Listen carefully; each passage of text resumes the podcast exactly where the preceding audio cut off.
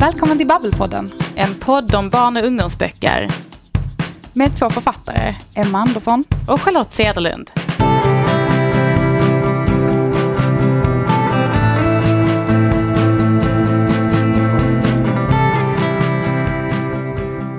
Emma, har du haft något nära samarbete i, i någon av dina skrivprocesser?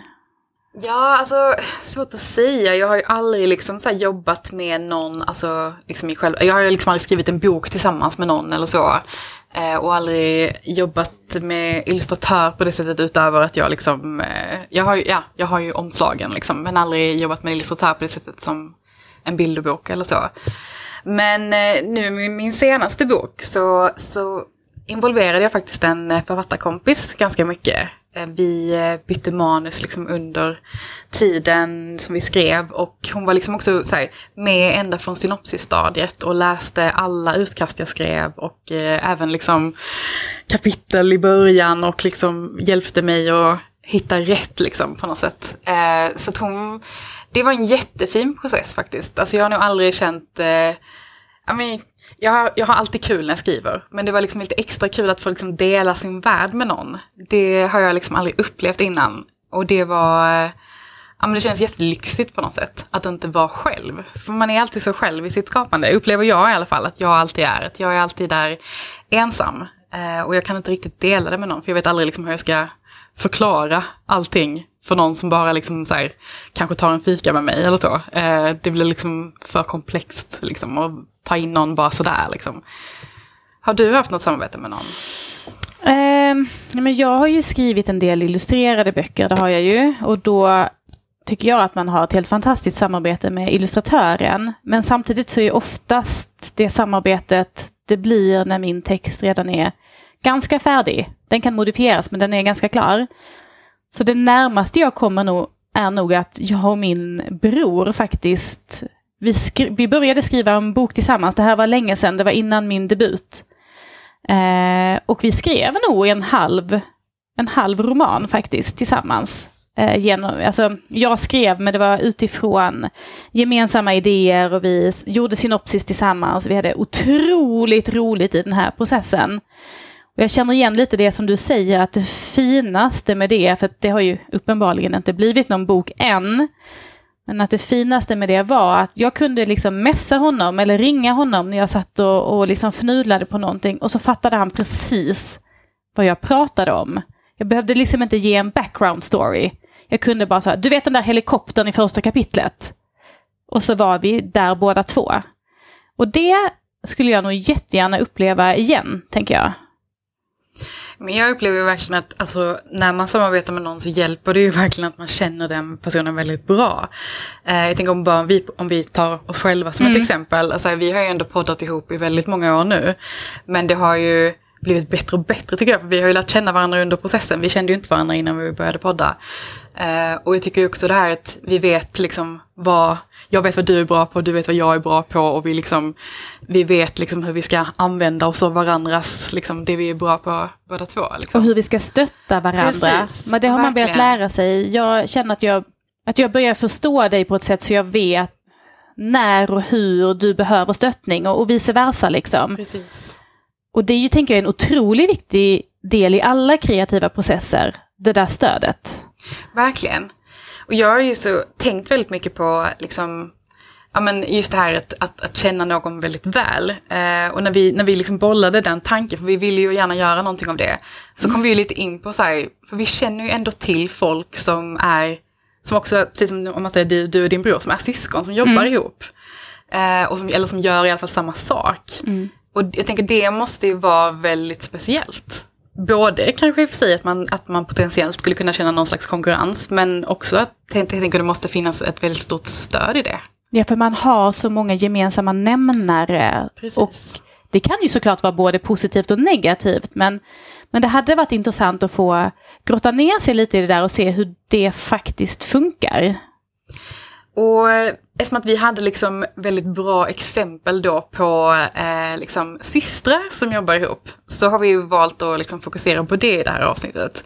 Och vi kommer ju prata med Emma och Lisen Adbåge mm. som eh, båda två är ja, men, välrenommerade bilderboksskapare kan man ju säga. Eh, de har ju liksom, det har ju gått väldigt bra för båda de två. Väldigt bra. Eh, systrar, tvillingar, eh, debuterade väldigt tidigt, debuterade samtidigt till och med.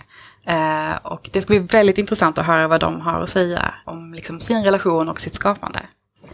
Och så kommer vi också prata med Melina Nordstrand och Malou Nagic som ju är systrar och jobbar på bokförlaget Opal som ju grundades av deras morfar.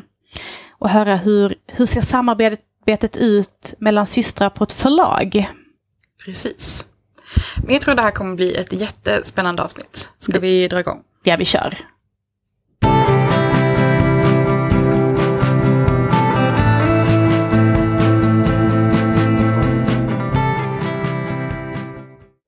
Hej Emma och Lisen, välkomna till Babbelpodden. Hej och tack så mycket. Tack. Hur mår ni idag? Jo, men det är väl ganska, det är väl ganska, det är en liten fin mysig höstfredag och vi, det är ju en boksläppsdag idag, lite så, eller hur? Ja, det är roligt. Grattis! Vi, tillsammans med Britta Persson så släpper vi en bok idag. Mm. Gud vad roligt, vilken timing. Mm, verkligen. Ja, det är det. Och veckan har varit ganska intensiv med jobb också för oss. Så vi har sett ganska mycket den här veckan. Eh, duttvis, men ändå. Så, ja, det, det känns lite skönt att det är helg också. Mm, skönt med någon som leder det här samtalet idag. ja, precis som vi. Vad bra att ni tycker det. Hörrni, idag är vårt tema systerskap i skapande och ni är ju både systrar och också två eh, väldigt uppskattade eh, bilderboksskapare och illustratörer eh, i Sverige. Och jag tänker att vi hoppar rakt på första frågan. När var det egentligen ni insåg att det var just det här som ni ville hålla på med? Om vi börjar med dig Lisen. När? Ja, det, här, det har alltid bara, bara varit naturligt så. Det är väl inte som att jag har varit säker på allt i mitt liv, men just den biten har, har jag ändå kunnat luta mig mot, mot som en trygghet ganska direkt, skulle jag säga. Och jag är så glad att få ha det kvar varje dag, fortfarande. För det är fortfarande det jag vill, känner jag. Mm. Jag har tvivlat och tvekat lite. Och tänkt att jag har liksom någonting annat i mig jag ska göra. Men då har det inte handlat om det, utan det har varit andra bitar i livet, har jag förstått. Um, så... Ja, nej, det har alltid bara funnits naturligt för mig, som ett behov och uh, någonting som jag känner att jag är glad att jag har tagit hand om. Som jag är glad att jag har lyssnat på.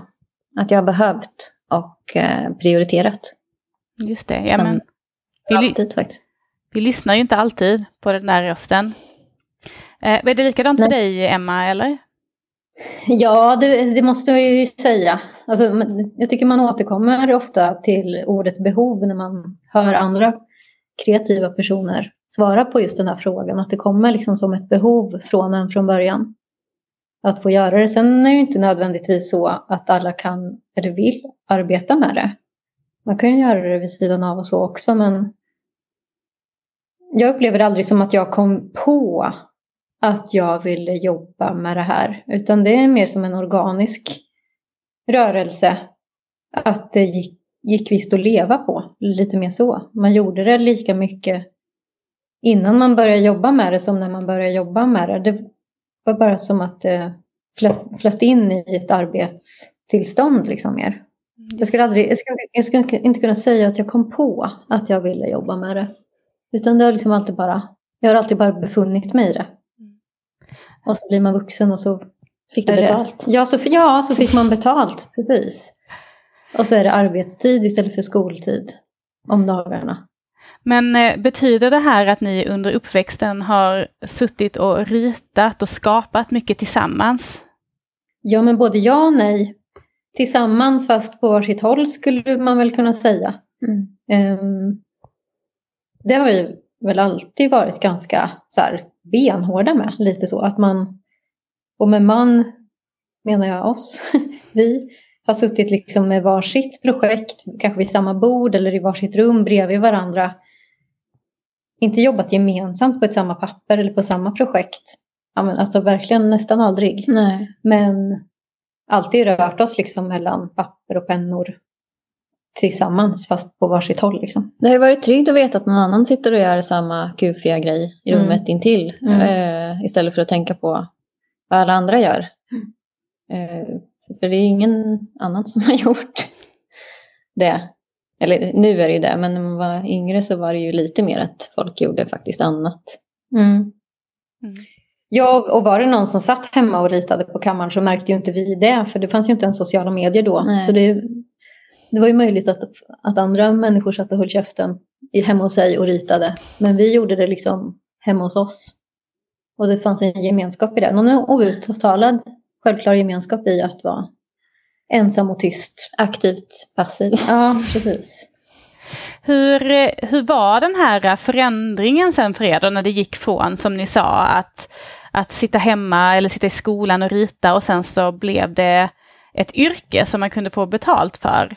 Hur var den här eh, förändringen för er när ni gick från, så som ni säger, att ni satt hemma och ni satt i skolan och ritade och sen så blev det ett yrke som man faktiskt kunde ta eh, betalt för och man skulle leva på? Var det liksom, gick det väldigt smidigt eller fanns det utmaningar i den här förändringen för er? Vad säger du Emma? Nej, men jag, tyck, jag upplevde nog också att det återigen hände ganska organiskt faktiskt. Att eh, skillnaden var ju att man fick betalt. Eh, och sen så var det väl naturligtvis någonstans, någon slags eh, fin eh, Eh, bekräftelse på att någon annan än en familjemedlem så att säga tyckte att det man gjorde var något att ha. Också. Alltså att det fanns en eh, det är klart att det finns en, en, eh, en skjuts i det när man märker att det finns någon som vill också ha det man gör som inte är liksom ens, ens släkting eller snälla familjemedlem eller vän. Men jag vet inte om det är svar på frågan heller. Alltså, jag tror att jag kanske, minns inte mina första uppdrag exakt vilka det var, men jag tror att det var liksom i samband med att jag ändå studerade, jag studerade fortfarande och, pluggade. Det var som en praktikperiod när jag började frilansa. Och den liksom flacka backen, eller vad man ska kalla det, alltså det, det var som en väldigt mjuk övergång mellan skoltid och frilanstid som jag tycker gjorde, alltså det gjorde det, det var som att man hade ändå stödhjul. Man fick befinna sig i ett studentliv och ett arbetsliv samtidigt. Det var en väldigt mjuk övergång där.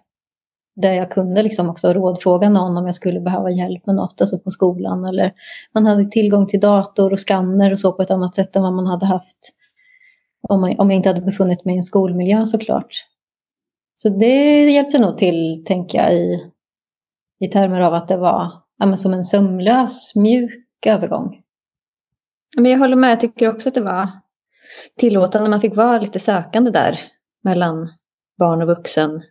Lek och allvar. För det var ju ändå det jag och du tänker jag också. Alltså man lekte, lekte sig in i någon typ av allvar med det. Men jag kan ändå känna att, det, att jag blev lite begränsad av vissa förväntningar och sådär som kommer in i, i vuxenlivet. Och man har en liksom en värld att förhålla sig till. Där, det, ja, där man som barn slipper tänka på rätt och fel och liksom så här hur man gör en bok och så. Att man, ja, men, ja, det finns vissa saker att förhålla sig till plötsligt med sidantal och liksom sådär som man kanske som barn och ung inte tänker på, inte behöver tänka på när man leker. Men när man verkligen ska göra en riktig bok och, och har liksom professionella ögon på sig så börjar i alla fall jag tänka mer på det. Och det kan jag känna att jag är mer och mer fri från nu. när jag eh, har lärt mig det, då kan jag också släppa det. Men då tyckte jag att det kunde komma in lite som en begränsning faktiskt ett tag Mm, Just det. också. Och ni debuterade ju ganska tidigt, 2001, och ni debuterade samma år. Eh, var det positivt för er att ni kunde gå igenom, för det är ju en stor sak att debutera för alla. Alltså det var en jättestor sak för mig och jag var 33. Jag tänker att det är en väldigt stor sak när man är så ung. Var det Mm. positivt att ni fick ha den upplevelsen tillsammans och kunde ni stötta varandra i den? Jag tror det. Vi har- Jag har inget att jämföra med. Nej. Men, och jag ska inte säga, jag ska säga att jag tycker, tyckte att det var stort, men jag kommer inte ihåg det så himla väl för att jag var så ung att jag nästan inte riktigt förstod hur stort det var tror jag. Mm. Vilket nog var bra. För då hade jag blivit väldigt nervös och pressad. Eh, att fortsätta kanske. Det var nog bara liksom en lek fortfarande. Jag tror att det... Ja, men det var ju också en händelse som, så här, har man inte varit med om någon, om det, finns en, om det finns en händelse som man aldrig har varit med om tidigare och så är man plötsligt med om det, då har man liksom inga referenser. Inget att jämföra med. Nej, precis. Så att man bara mm. går in i någonting, som Lisen sa här nu också, vi har ju liksom ingen annan barndom eller ungdom att jämföra oss med heller. Så vi vet ju inte hur det hade varit att vara ensam eller 33 som du säger. Eh, hur det hade varit. Eh, och om det var bra eller dåligt och sådär. Men det, ehm, och vi är ju så vana vid, eller speciellt då, för då hade vi bott i samma vi hade pluggat på samma skola och vi hade bott, vi hade haft vår barndom gemensamt. Mm. Um, så då var vi också samtidigt vid det laget så var vi vana vid att dela ganska mycket vardagliga saker ihop också. Så det här var ju liksom bara en förlängning av, av någonting som vi redan var ganska vana vid vid det laget när vi var 19. Vi hade ju liksom bara precis tagit studenten i stort sett. Så Ja, det fanns inget på skalan riktigt att jämföra med. Hade det mm. hänt nu så tror jag att det hade känts på ett annat sätt. Mm. Ja, precis. Så skulle en av oss nu, eller för, för den delen tio år sedan, alltså i vuxet tillstånd, för då har man ju liksom varsitt separat liv. Ja. Och så skulle någon av, av oss vara med om så här, men gud, du har börjat köra enduro och det går svinbra. och den andra gör inte det. Mm. Alltså då är det ju, det hade ju varit någonting helt annat. Mm. Så. Och det där upplever man ju hela tiden nu, alltså i vuxen ålder. Men just det där, det var ju som så här, det var lite så vi kände livet på något vis. Vi ritar. Den andra ritar, jag ritar, vi ritar. Så ritar vi lite mer och så ritar vi en ny form. Och så, mm. alltså, det, var ju så, det var ju som vårt facit var ju liksom typ. Mm. Det, det, var liksom större om någon klippte sig i en annan sida än den andra på något sätt. Mm. Och stack iväg. Alltså det var, det var mer, det här var, det låter liksom förmätet att säga att det var naturligt på något sätt att man skulle debutera. Det var väl ingen som hade förväntat sig det heller. Det var jättestort också. Men jag tror att det hade varit på ett helt annat sätt om det var nu. Eller det hade varit det. Större. Men, Men sen är det klart att jag kan förnimma några känslor som var liksom stora och pirriga kring att släppa en bok. Och när någon då bredvid en är med om exakt samma sak samtidigt så kan man ju liksom ändå snegla på den och, mm. och ha någon typ av så här, menande, menande blick mot varandra. Mm. Inte rent fysiskt praktiskt alltså, men någon typ av så här, sam, ja, samkörd känsla kring mm, vad, som, vad, som, händer just nu. Mm. Det var ju liksom stö, det stora med att debutera var att man fick åka till Stockholm liksom, mm. och käka på Pizza Hut. Mm. Nej men alltså på riktigt. Mm. Ja, men jag tänkte också på alltså just att ni, alltså, för jag tänker det kanske också blev så för att, ni, för att ni gjorde det samtidigt, för att ni gjorde det tillsammans på något sätt. För jag tänkte det var kul när ni sa att eh, här, det är en större grej att någon har klippt sig. Alltså, så här, det, då kanske det är, för att då har en av er gjort en förändring som den andra inte har gjort, var det kanske naturligt för att ni gjorde det tillsammans på något sätt? Att, att det blev att det här, eh, för jag tänkte det hade kanske varit en annan sak om en av er hade gett ut en bok och den andra inte hade gjort det kanske. Mm. Ja, vi vet ju inte. Vi gissar bara. Mm. Men jag är också jättenyfiken på, eh, för ni har ritat ihop eller på olika papper och ni har ritat separat och nu har ni uppenbarligen släppt en, eh, en bok tillsammans. Ni har kanske gjort fler tillsammans tidigare. Eh, jag är så himla nyfiken på hur era arbetsprocesser ser ut. Om de är väldigt olika eller om de är väldigt lika. Så kan ni inte berätta lite hur ni jobbar? Du kan väl börja Lisen? Ja, men först så kan vi väl säga ändå att den här frågan får vi ju ibland och vi har ju ganska liknande svar. Mm. Så var beredd på det. Så fråga, fråga istället egentligen vad vi gör olika. Eh, jag vet inte. Menar ni en, en arbetsprocess där vi är en skrivande person också eller där vi bara tecknar? Menar ni den fysiska tecknande processen eller menar ni från liksom, kanske en idé till text? Alltså menar ni oss som författare eller som bara tecknande? Ja, men vi kan väl ta som bilderboksskapare, så alltså från idé till färdig bok liksom. Mm. Jag tror ändå att vi gör ganska liknande. Så det är tråkigt att jag ska svara och så får mm. du svara sen och säga ja men det är samma sak på riktigt. Men då får ni svara tillsammans då. Ja, det är procedurer faktiskt ju. Ja. Beroende på vilken bok det har varit. Jo, men så är det ju också för båda. Så är det ju för Ja. mig med. Jag gör ju inte alltid på samma sätt. Och du gör inte alltid på samma sätt. Nej. Men ta ett sätt du då. Då tar jag något annat sätt. Mm. Ja, men om jag ska prata om ett exempel som jag är i nu då. Så är det i... eh, Nej, det, så här är det alltid för mig. Att jag utgår från någonting som jag intresserar mig för. En fråga som eh, jag liksom vill gräva i. Som vuxen person. Och så vill jag hitta exakt rätt ord och berättelse för att väcka det intresset i andra eh, genom en bok och bild. Så jobbar jag. Och det kan vara en känsla eller det kan vara någonting utifrån. Eh, som till exempel i De som bestämmer så är det ju makt som det kretsar kring. Och eh, just nu så håller jag på med någon typ av känsla om att eh, passa in och höra till, till exempel. Och så håller jag på att skriva någonting kring det. Eh, och formulera en historia för att göra mig förstådd och förstå mig själv i den känslan. Ehm, eller att jag har bara börjat skriva en massa dikter kring hur det är att ha ett litet barn som växer och tid som går. Och försöka greppa det. Och så blir det liksom blir det verser av det. Um, ja, men jag, jag, jag jag skriver nog för alltid om att saker jag eh, behöver förstå i mitt eget liv. Och eh, för att det är roligt. För att det är roligt. För mig, rent egoistiskt, rent personligen. Och så, så är det så himla härligt när det landar i någon annan som också förstår vad jag menar där. Och så kan man ta det vidare. När man kan liksom bygga vidare på ett intresse så. I skrivandet och ja, ska, skapa kring mina egna intressen. Så, så funkar det för mig. Nästan alltid. Vad säger du då, Emma? Nej men som vi brasklappade för innan så är det ju liksom samma för mig. Eh, Men om man ska nyansera det lite så, eller jag vet inte, mer så här processbeskrivning mer så är det som att eh, jag brukar säga att jag lyssnar av mig själv ibland som en telefonsvarare. För att kolla av liksom så här vad jag går själv och funderar på. Mest för det, det, är, det är samma för mig där, så jag lyssnar, lyssnar bara på vad jag själv är nyfiken på och intresserad av och vill gräva i och undersöka. Ehm, Och så tillåter jag mig själv att göra det. Ibland kanske jag kommer på mig själv med att fundera väldigt mycket över en viss fråga eller det kan vara någonting som har hänt som gör att jag funderar över en viss känsla.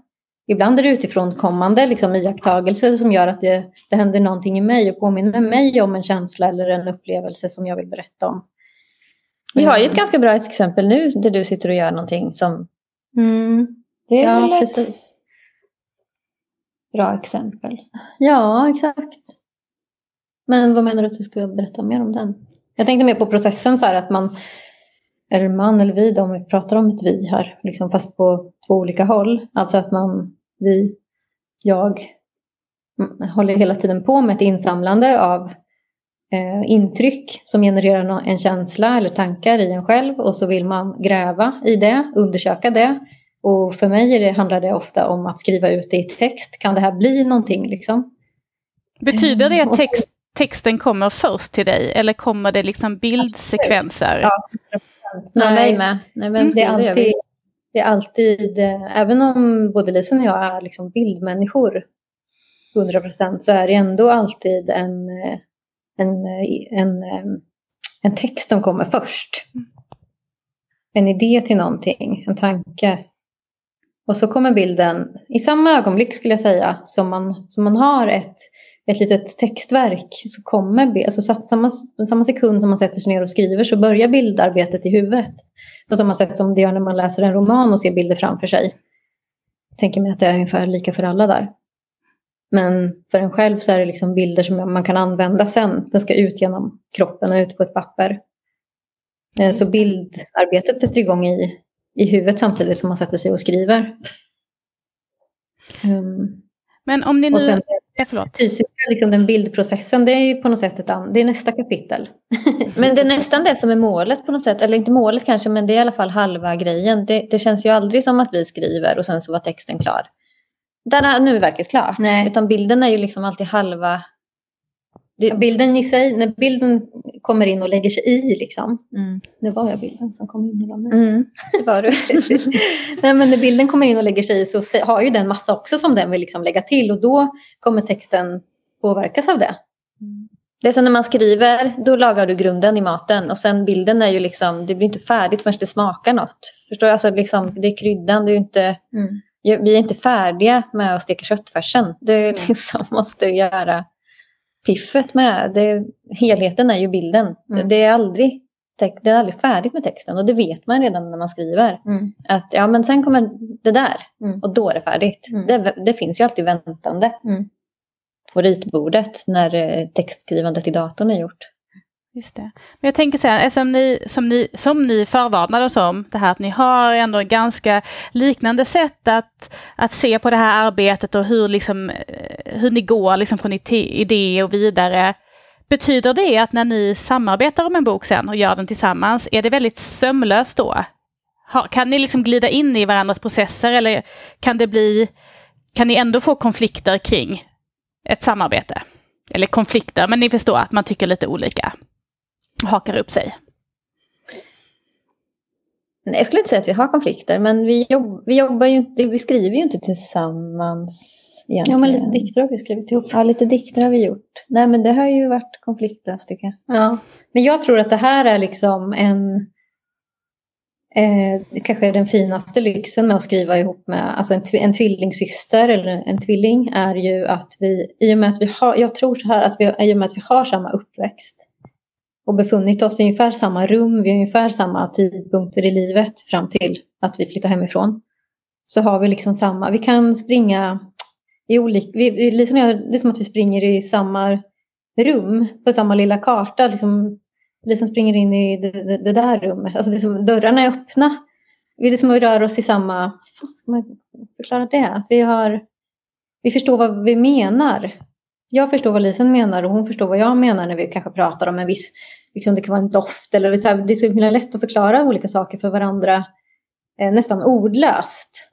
Vi har samma referensskafferi liksom. Ja, det är som att vi springer omkring i samma hus och liksom har fri tillgång till varandras eh, kunskapsbank eller liksom referensbank. Vi har samma referensbank som vi liksom plockar av. Och det gör nog att det är ganska konfliktlöst i själva arbetsprocessen. Och man vågar ju vara mer modig också då och visa Mm. den personen. Ja, just det. För om man liksom skulle skriva tillsammans med en annan, jag tror inte att någon av oss har skrivit tillsammans med någon annan person va?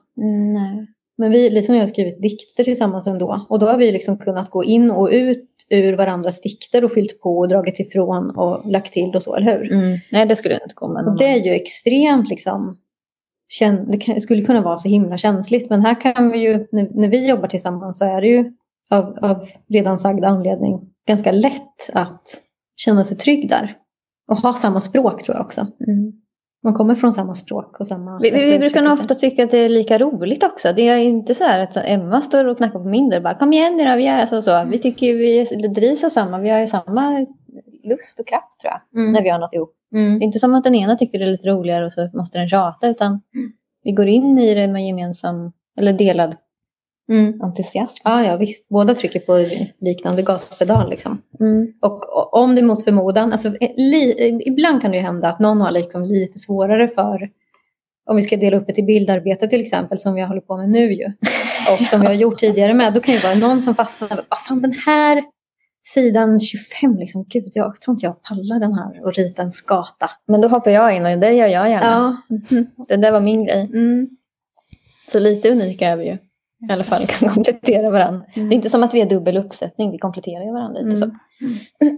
det är bra. Mm. Det låter, ju, alltså det låter ju otroligt positivt. Det känns ju som, jag tänker så här, drömmen för en kreativ person att ha liksom det här eh, bollplanket och som ni säger ändå har som, som man har så himla mycket gemensamt med. Att det blir, det blir så lätt att ha de här diskussionerna för att man har samma referenser. Så att det låter ju nästan bara positivt. Men finns det någon gång när man kan tänka så, ah, det är så himla jobbigt att jag och min syrra är i samma lilla bransch eller vi gör samma sak eller åh, vi ser för mycket av varandra. Är det någon gång ni kan tänka så att att det finns någon liten negativ aspekt? Eller är det så fantastiskt som, som det låter?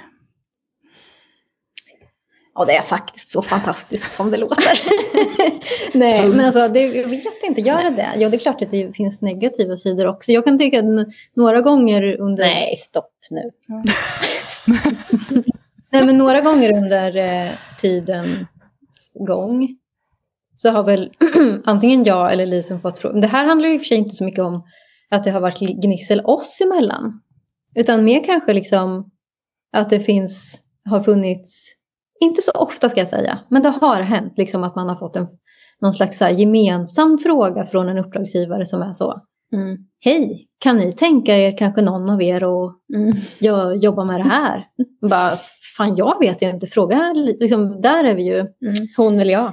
Kom igen. Det, det kan vara ett problem. För att någonstans mm. ska väl ändå sägas att även om vi väl, har en liknande arbetsprocess, vi har en liknande eh, inställning till hur vi arbetar, att vi intresserar oss ungefär för samma liksom, frågor eller sådär. Så ska det ju sägas att vill man ha Lisen som tecknare i ett arbete, då, då ser man att det finns en skillnad. Då, mm. då väljer man Lisen. Och vill man ha, ha mig att arbeta med så, så, så ser man, alltså det finns en visuell skillnad i vårt arbete. Och där kan det väl kännas, eller har känts som ibland att vissa uppdragsgivare, som sagt det är inte många gånger det har hänt, men då kan det vara irriterande att liksom någon Ja men om någon tycker att det kan kvitta. Har. Ja precis. Det, då, det känns inte så, så, då blir man inte så glad liksom. För vi tror... Även om någon tycker så här, ja men ni är lika bra, fast man vill ju bli vald för den man är, det man gör för att jag är jag mm. och du är du. Inte... För, för vi tror nog inte att det är två andra tecknare eller konstnärer som blir tillfrågade på samma sätt fast de inte ens är släkt. Så hej, vi mejlar er båda. Alltså helt liksom två personer oberoende av varandra som får samma fråga. Vad tror ni? Skulle någon av er kunna få? Jag känner inte ens Hasse liksom, mm. och Eva. Utan... Nej, men det händer så sällan. Jag, alltså, jag har väl kunnat känna, alltså, det tror jag du med, sådär att men gud, nu skriver ju du att så här, oj, jag kan ha tänkt tanken så här, tänk om Emma skriver om allt vi har varit med om och så finns det inget kvar till mig. Men mm. man har ju under åren ändå upptäckt att det finns, jag kan ju skriva om det på mitt sätt och du kan skriva om det två gånger till på mm. olika sätt och sådär. Mm. Så det sinar inte. Nej men om vi skulle skriva varsin självbiografi, en roman, liksom, då skulle det bli två helt olika romaner också. Mm. Lite tjatigt kanske. Vissa återkommande element. Men... Ja, man vet. Det kanske blir helt olika, det vet man ju aldrig. Eh, Nej, men det är klart att det måste finnas lite nackdelar med det. Men eh, väldigt få. Blir man avundsjuk på varandra? Jag tänker så, ni, ni har ju varit med om fantastiska saker om man tänker ur rent så här, karriärperspektiv. Med prisnomineringar och vinster och sommarprat och utlandsförsäljningar. Och ni är ju båda otroligt högt aktade i eh, barnbokssfären. Men kan man bli avundsjuk på sin syrra? Eller är det också en sån grej att man inte blir det på samma sätt som man kanske hade blivit på någon annan? Nej, alltså den, den där frågan får man ju ofta. Mm. Och när Emma sommarpratade så var det ju folk som la huvudet på sned och bara Nej, men du, ska inte du? då är det så här, ja men alltså det, då, finns det, då är det ju andras förväntningar på att jag ska vara besviken på att jag inte får. Eh, men jag skulle faktiskt inte ha vågat det, om jag ska vara ärlig. Men jag var ju jätteglad och stolt över att Emma gjorde det. Och när Emma vann Augustpriset där, alltså jag stod jag upp och skrek. Mm. Först och högst av alla. Nej men jag blev så glad. Men sen kan man ju såklart känna så här, fan jag skulle också vilja göra det där roliga jobbet. Men jag känner aldrig missunnsamhet. Jag tycker det är nog en viss skillnad i det. Att så här, jag det är aldrig som att jag inte unnar Emma det. För att jag vet att hon gör det så jävla bra. Däremot kan man ju känna så att det där skulle jag också vilja göra. Men det är mer som en inspiration eller jag vet inte. Mm. Och jag är så nöjd. Jag är så nöjd. Jag kan inte klaga. Jag har så roligt på mitt jobb. Jag tycker att jag har det så bra så att jag skulle aldrig klaga. Eller, jag, tror inte jag känner så mot någon annan heller. Om jag ska vara ärlig. Så, för jag är så nöjd med det jag gör och får göra. Det finns ja, ju... det där håller jag med om. Alltså, det är så himla bra som det är alltså, för en att det bara ro, extra roligt när det... Jag är också väldigt glad de gångerna det händer Lisen roliga grejer eller när du får roliga uppdrag. som jag också skulle velat haft. Men det är inte som att jag någonsin har surat över det eller känt att det har med mig att göra. Det är som att man nästan får vara med om det lite själv också på ett hörn när, när Lisen får vara med om det. Det har så himla svårt att hitta en butterhet eller en eh, missunnsamhet i det. Jag hade varit så mycket mer så ledsen om du inte hade fått något kul. Alltså, Ja, du hade varit mycket mer ledsen om Emma inte hade fått göra det här överhuvudtaget. Eller liksom, Mm. Ja, nej, men det då- känns jävla rättvist och bra. Mm, Även det- om det inte alltid är rättvist. Men vi har eh, roligt båda två. Ja, men alltså, det slår oss ju ganska ofta, jätteofta faktiskt, att vi får, alltså tänk att vi får göra det här. Speciellt Mm. när vi sitter och samarbetar eller för den delen bara har liksom en jobblunch där vi kanske inte Sitter arbetar här. tillsammans. Alltså när vi har vars sina projekt som det typ är 99 procent egentligen av våra arbetsliv. Och så här konstaterar att men gud, tänk att vi får göra det här. Båda två. Det Mm. hade varit så... Alltså har, har ganska nära till att tänka den typen av tanke. Liksom. Vad, I en parallell värld hade det kunnat vara så att en av oss hade behövt ja, men göra något annat för att det hade inte funkat för den. Så att liksom hålla på med någon slags missundsamhet och känna... Ja, men ingen rivalitet och så. Alltså, det är så vanligt att folk frågar det. Men eh, Mm. jag är bara tacksam för det, Emma. Fint. Ja, det, det kanske låter smörigt av oss att säga så, men det är, Genuin smörighet. ja, det är genuin smör. ja, men det, det, det tänker jag att det behöver inte, det behöver inte alltid finnas. Det, och det är väl jättefint att ni, att ni kan unna varandra det, tänker jag. Mm. Men eh, jag tänker nu jobbar ni ihop och jag tänker också så här, känner ni fortfarande att ni lär er saker av varandra? Nej. jo, det gör vi.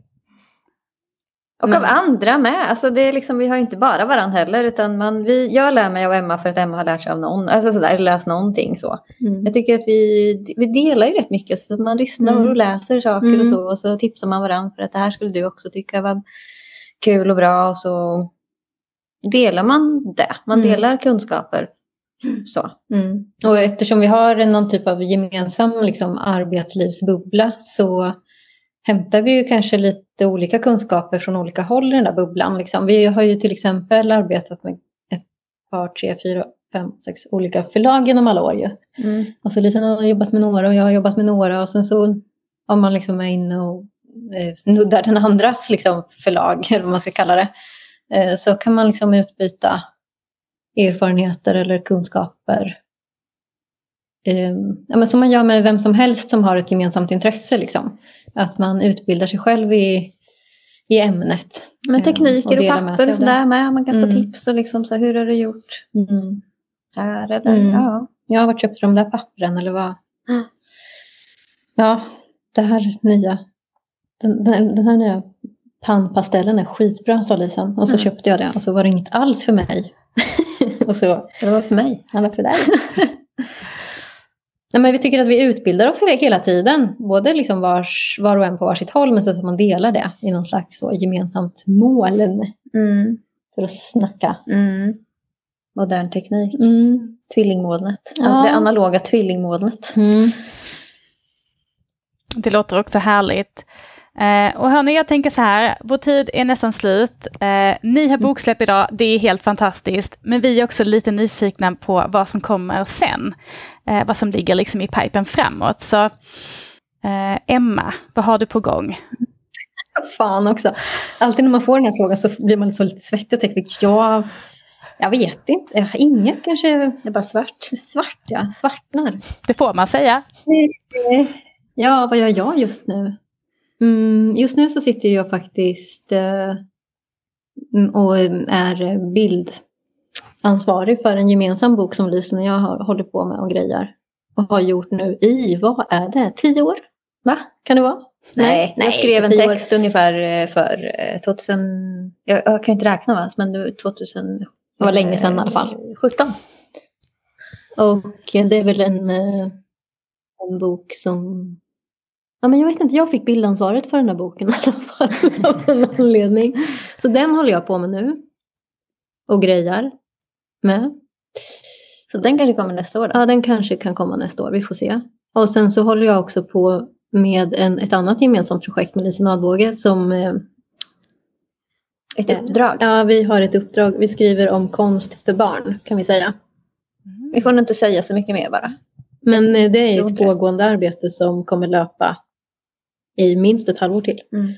Så det håller vi på att sitta och ta fram både text och skisser till nu. Gemensamt faktiskt. Det är nog ett av de större gemensamma liksom, uppdragen vi håller på med här nu. Mm.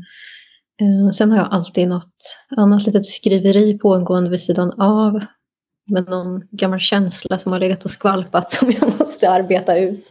Som en deg och sådär. Men det är liksom... Det, det svaret får, kommer man alltid få kanske när man frågar mig. För att det finns alltid något projekt som eh, håller på att tas fram. Så. Men, men de två uppdragen är liksom det som jag håller på med konkret nu. Just det, det låter jättespännande. Lisen, Mm. har du någonting eh, utöver det? Ja, utöver vårt konst för barn-projekt som vi inte kan säga så mycket om så har jag ett samarbete som jag inte kan säga så mycket om. Där jag gör bild framöver.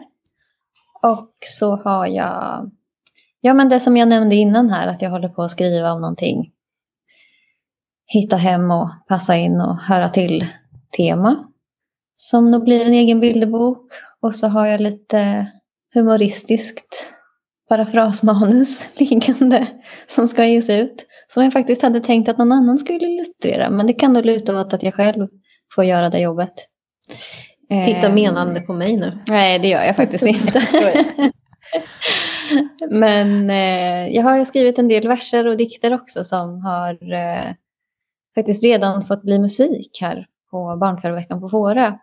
Och det är meningen att de ska faktiskt komma ut i bokform. Men eh, vi får se lite när. Det, det är nog faktiskt mitt nästa egna projekt som liksom blir någonting. Men eh, jag har inte riktigt tid att sätta mig in i det nu när vi håller på med det här stora projektet. Men efter det så kommer jag förmodligen göra bild till det.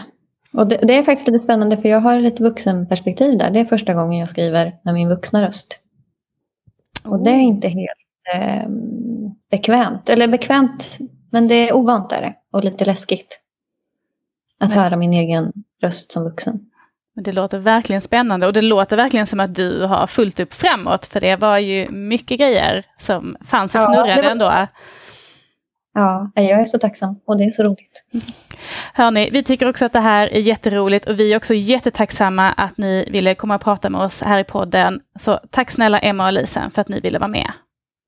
Tack för att du fick. Tack!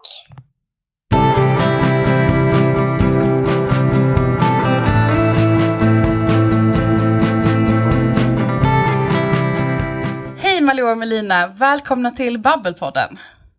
Hej, tack så mycket. Hej! Hur mår ni idag? Jo, det var bra. Ja, det var bra. Vad roligt att ni ville vara med idag och prata om eh, systerskap med oss. För ni är ju systrar och ni jobbar båda två på bokförlaget Opal. Hur kommer det sig att ni båda hamnade där? Ja, det är våran eh, morfar som startade förlaget, Bengt Krisell. Eh, och sen så drev, eller började vår mamma Katrin jobba där när jag föddes. Eh, för snart 40 år sedan. Så det har liksom alltid funnits med oss i hela våra liv. Förlagsbranschen. Men att vi började jobba här, jag vet inte. Det är, är nog ingen av oss som hade den tanken från början. Utan vi har liksom utbildat oss på olika håll.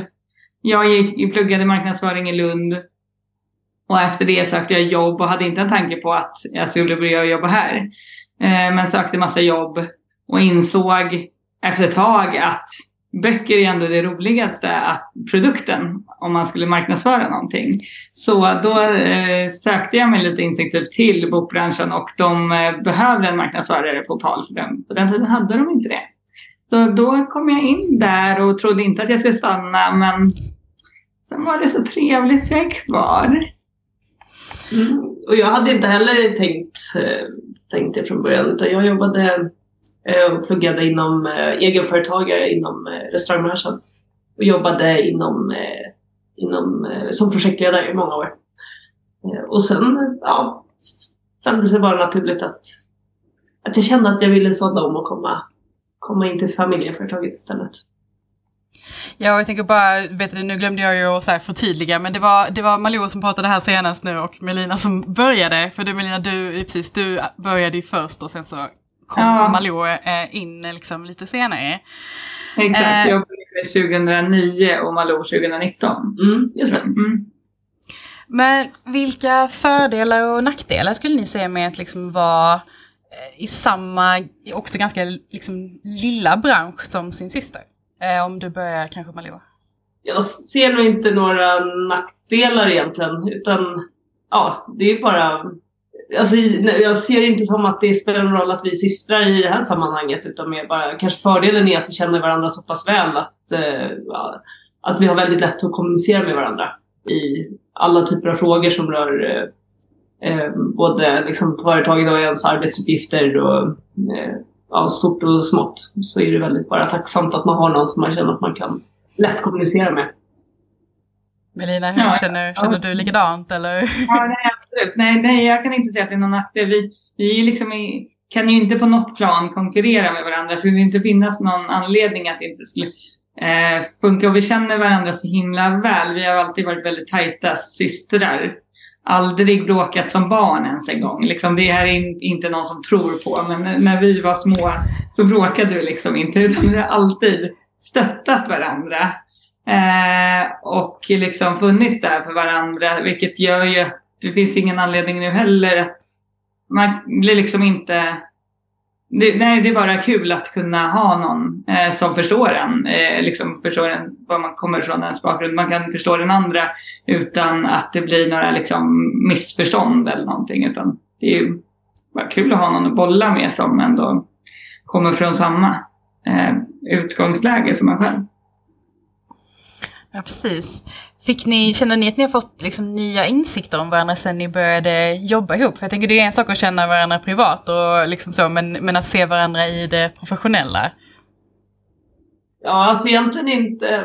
Äh, återigen så är det att vi kände varandra väldigt bra innan. Men äh, det är klart att man, alltså, viss, alltså på, i, i ens professionella, professionella situation så är det, det är klart att man beter sig annorlunda än privat också. Men inte någonting som jag blev så här chockerad över eller så här någon stor eh, så här, gud vad är det här för någon sida hos Melina? Så kände jag, har jag nog aldrig känt. Men Däremot kanske vissa sidor som man inte riktigt har trott kanske förstärks eh, i, liksom i ens yrkesroll eller inte. Eh, det kan väl vara mer sånt som så här, att, man- att man ser vissa sidor förstärkas. Kanske mer det. Mm, ja, ingen, ingen stor grej egentligen. Nej. Nej. Ni kanske också är så här vana vid att se familjemedlemmar i, liksom, i en annan roll. Jag tänker i och med att liksom, Bengt som är morfar och, och eh, vet du, Katrin som är, är mamma. Som, alltså, ni har ju ändå liksom, varit där mycket. Ni kanske sett dem i sin professionella Ja. roll mycket kanske. Säkert, vi kan ju inte jämföra med någonting annat. Utan det är ju någonting som alltid har funnits där. Men, och sen så har vi ett väldigt familjärt företag. Det kan nog också spela in att det är väldigt det finns inte så mycket tr- trösklar och det är inte hierarkiskt. Det hade nog varit skillnad om det hade varit ett stort företag med mycket chefspositioner. Då hade man kanske också betett sig annorlunda, tänker jag. Eh, hos oss är det ju väldigt familjärt, det vet ni, ni som upphovspersoner också, att eh, man, man kan liksom vara sig själv här ganska mycket. Och vi umgås ju som sagt väldigt mycket privat. Alltså vi umgås ju fortfarande mycket. Våra, våra barn är i samma ålder, vi har landställe bredvid varandra. Vi, Samma bokcirkel. ja, precis.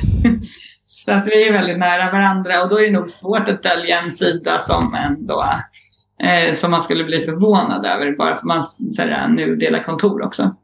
Ni var inne på det, tycker ni, ni då sitter med i samma bokcirkel. Tycker ni om samma böcker nu när ni jobbar på förlaget och läser mycket samma böcker? Ja, på förlaget så tycker vi nog eh, lika tror jag när vi pratar utgivning eller liksom vad man tycker om böcker. Ja, även i bokcirkeln så har vi oftast inte så jättestor eh, ås, liksom, åsiktsskillnad skiljer sig inte så mycket åt. Eh, I den typen av, alltså Det är inte så att Malou bara “Gud, det här var världens bästa bok” och jag bara “Gud, jag hatar den”. Så är det ju aldrig. Nej. Sen kan vi ju gilla olika typer av litteratur privat, alltså vad det gäller vuxenböcker på ett annat sätt. Jag gillar väldigt mycket så här kostymdraman och tillbaka så här historiskt och sånt. Det kanske inte är din primära... Nej, fast jag har ju alltid gillat de böckerna du har valt dem. Eh, men det är kanske inte någonting jag skulle välja i första hand själv. Eh, och i bokcirkeln så brukar jag välja mer ungdomsböcker. Jag gillar kanske mer också lite så här sånt som man lär sig lite av. Äh, Liksom lite, Mm. Ja men det gör ju du också. Ja, men eh, eh, jag gillar verkligen inte skräck. Det klarar jag inte av. Nej, Men du är inte så mycket för nej skräck. är eller? inte min... Nej. Nej. nej. Nej, så uppenbarligen så har vi ganska lik smak. Men eh, känner ni liksom att ni lär er saker av varandra i liksom jobbet och vad i så fall? Jo, men det är klart. eh, Men det är väl lite... Man lär sig någonting av alla sina kollegor. På något sätt. Det är ju... Ja, precis. Så jag vet inte om det har att göra med oss som systrar att göra. Mer än att... eh, Nej, det tror jag inte heller. Utan det är nog inte, eh, alltså, jag tror inte jag lär mig mer av dig än av en annan kollega. Nej. Så. Men det är ju alltid utvecklande att ha folk runt omkring sig. Såklart.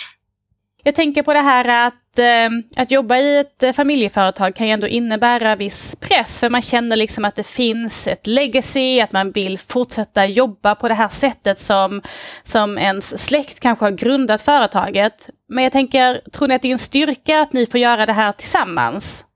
Att fortsätta driva företaget tillsammans och med... Ja, men det tror jag. Ja. Det hade ju varit väldigt ensamt att göra det själv. Eh, så, alltså det har ju vår mamma gjort, men hon har ju alltid haft sin pappa med nästan hela resan. För att hon började ju när han var mycket yngre. Och eh, nu är hon ju fortfarande kvar, men hon tänker inte jobba tills hon dör som vår morfar gjorde. Eh, så det skulle ju vara väldigt tråkigt att när hon väl går i pension att inte ha eh, eh någon annan där liksom att driva det här familjeföretaget. Så det tänker jag att det är en väldigt fördel att, att vi är två. Det är mycket, det är, också tryggare att man har någon att bolla med sådana eh, strategiska frågor med och hur man vill eh, liksom fortsätta det här, förvalta det arvet. Eh, det skulle ju kännas ensamt att göra det själv. Och det tycker jag också känns bra att mamma är kvar fortfarande i den, liksom, i den utsträckningen som hon är. Så att vi tre är väldigt, väldigt nära varandra och pratar väldigt mycket om ja, nutid och framtid och eh, utvecklingsmöjligheter och så. Och det är, tycker jag är väldigt fint att vi, vi tre har den liksom, gemensamma liksom, drivet. Ja, Känner ni att ni har en gemensam bild av hur ni vill fortsätta framåt? ja Mm. absolut. Det kommer nog en naturligt tror jag. Mm. Kanske någonting med uppfostran eller någonting med arvet eller någonting så här. Det är inte riktigt en diskussionsfråga. Nej. Det är ingen av oss som bara säger nej, vi gör så här istället. Då kommer någon revolutionerande tanke som de andra blir ställda över. Liksom. Nej. Det känns, det känns spontant utifrån era svar hittills inte som att det kommer bli någon maktstrid eller sådär. Det, det känns som att det skulle komma väldigt så plötsligt i så fall. Nej, och det känns ju också väldigt skönt. Jag tror att det gör ju halva grejen till att det blir väldigt harmoniskt att arbeta tillsammans. Alla vi är väldigt prestigelösa mot varandra och snarare, som vi pratade om förut, eh, uppmuntrande mot varandra snarare än eh, ta åt sig äran eller liksom Mm. vilja konkurrera ut någon. Eller, utan vi ser ju varandra mer som en styrka. Ja, exakt. Eh, och det är jätteskönt att ha någon här, som alltid stöttar en. Så, det är det ju såklart för alla. Men eh, eh, som sagt, och som du nu sa, om att vi verkligen inte har någon anledning att konkurrera med varandra. Det, är ju, det tar ju bort alla problem som skulle kunna uppstå. Jag är lite nyfiken på, alltså så här, ni, ni får ju verkligen se varandra liksom då i, i liksom alla, alla liksom, eh, ja, men olika liksom sidor av livet, alltså både liksom privat och, och i arbetslivet. Men eh, om man bara tänker på det professionella, Malou, vad skulle du säga att du är liksom mest stolt över eller liksom imponerad av med Melina i sin yrkesroll? Ja, men då, där tycker jag nog, är väldigt, eh, hon, hon är så himla rak och tydlig i kommunikation med andra samarbetspartners. Eh, liksom inom branschen, liksom i, i olika sammanhang. Jag, det tycker jag är väldigt... Eh, där blir jag ofta imponerad. Och vad, Melina, om du får ta samma fråga om Malou, vad, vad är du liksom, vad, när du ser henne, vad tänker du liksom, är, vad är du mest stolt över eller imponerad över? Ja, men först och främst imponerad över att hon är alltid så extremt positiv. Det är ju verkligen en Eh, styrka att alltid se det positiva i alla situationer. Eh, och sen så är hon eh, professionellt verkligen inte som en lilla syster utan Alltså när du var liten så var det ju alltid stökigt i rummet. Man undrade om du hade koll på skolan. Men här i, i det professionella livet så är det ju Malou som har all koll, tar ansvar, är väldigt strukturerad, gillar Excel-dokument. Eh, inte alls som man skulle kunna liksom, kategorisera en lilla syster i, i familjen. Eh, så det är väldigt imponerande. Ja, vad roligt. Eh, finns det liksom, eh, det här är ju ett familjeföretag, kommer det att dyka upp fler eh, vet du, familjemedlemmar här framöver eller är ni, det är ingen som är på väg in eller så? Nej. Nej. ja, ni bär det. Det, ja. låter, det låter jättehärligt och väldigt lyxigt att få jobba med sitt syskon när det funkar så här bra. Ja, jo, det är jättelyxigt. Ja, det är det. Mm. Tack så jättemycket Malou och Melina för att ni ville vara med och prata med oss idag. Tack för att du fick vara med. Tack, ha det bra.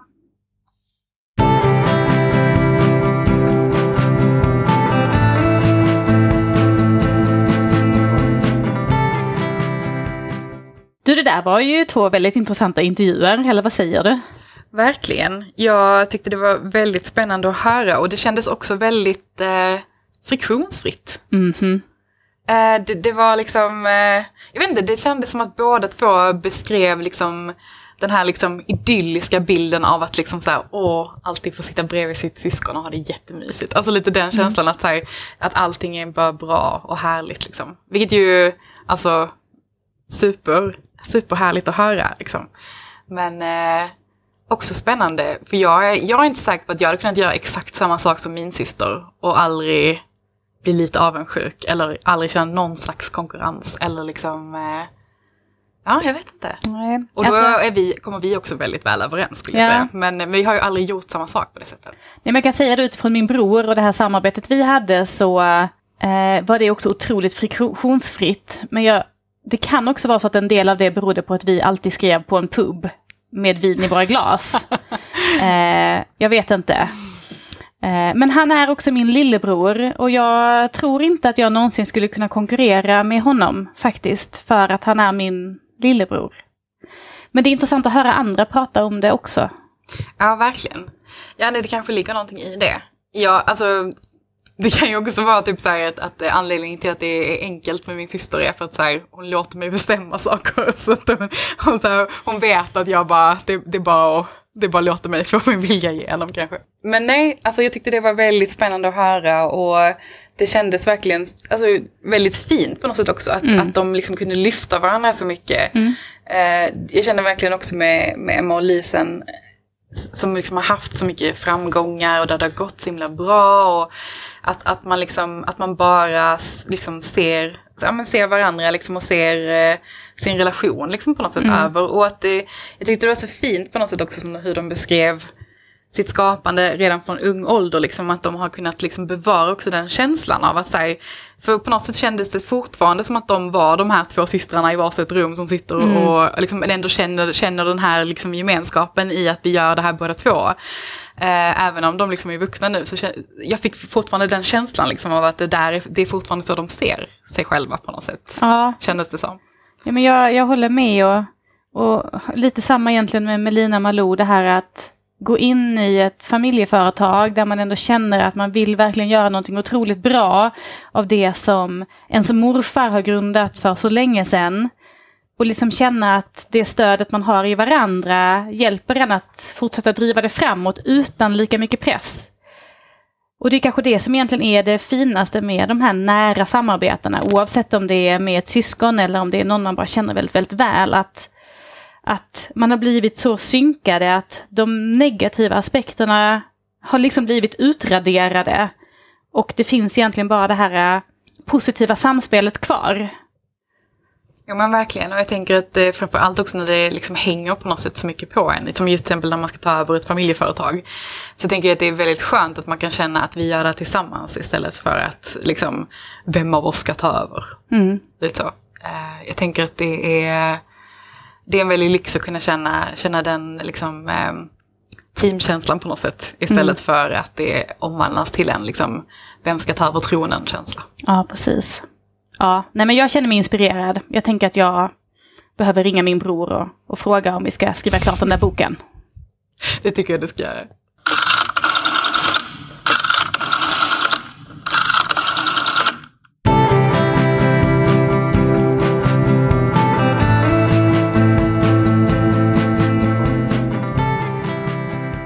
Nu blir det boktips!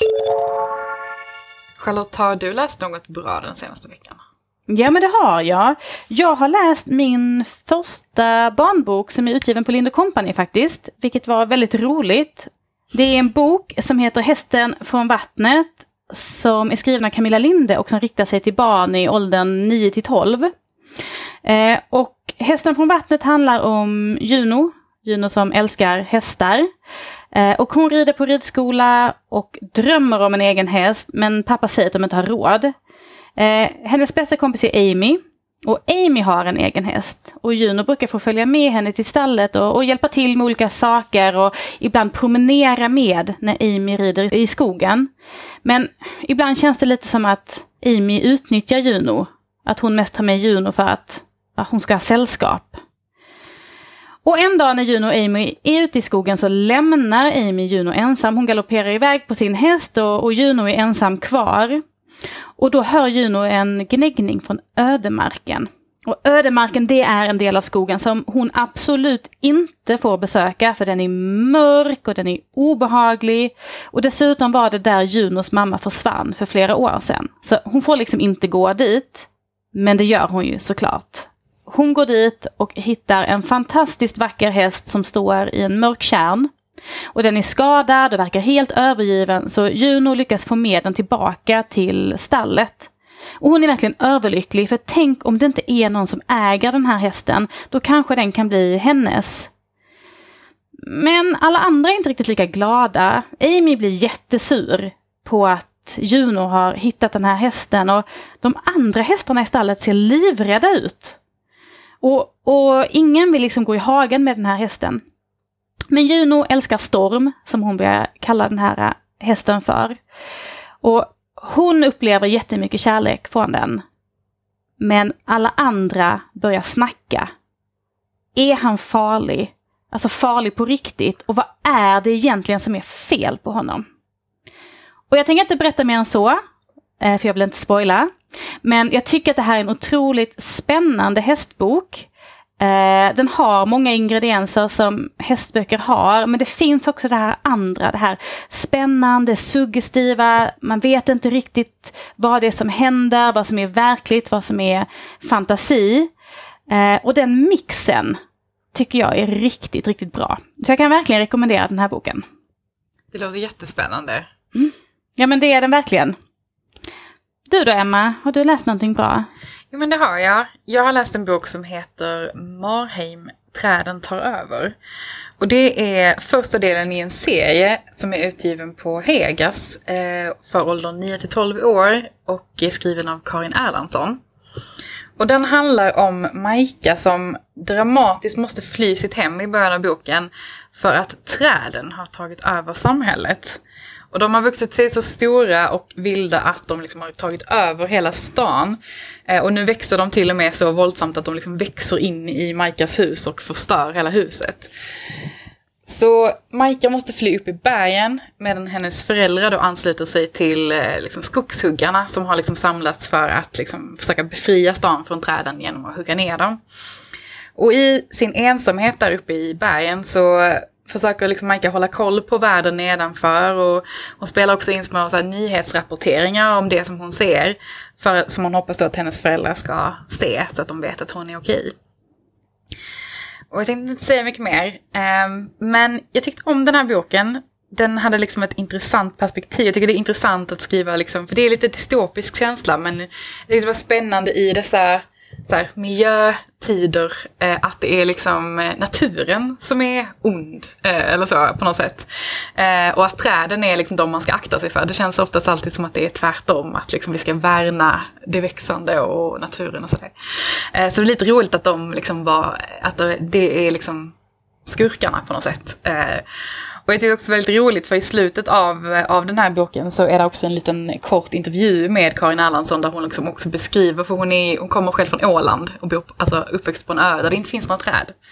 Eh, och att då liksom hennes värsta mardröm, om hon fick föreställa sig någonting, var att befinna sig i en skog. Eh, så jag tyckte det var lite roligt att det var liksom inspirationen till den här berättelsen. Eh, Men jag tycker det är en väldigt spännande bok. Man kastar sig liksom direkt in i äventyret. Och den slutar också med en cliffhanger som gör mig väldigt nyfiken på fortsättningen. Så allt som allt en spännande bok som jag tycker ni ska läsa. Det låter som ett väldigt spännande tema tycker jag. Ja men verkligen. Men det här var allting för idag. Vill ni komma i kontakt med oss så får ni jättegärna lov att lämna en kommentar eller mejla oss eller skicka ett meddelande på Instagram så blir vi jätteglada. Ni får ha det så bra. Hej hej!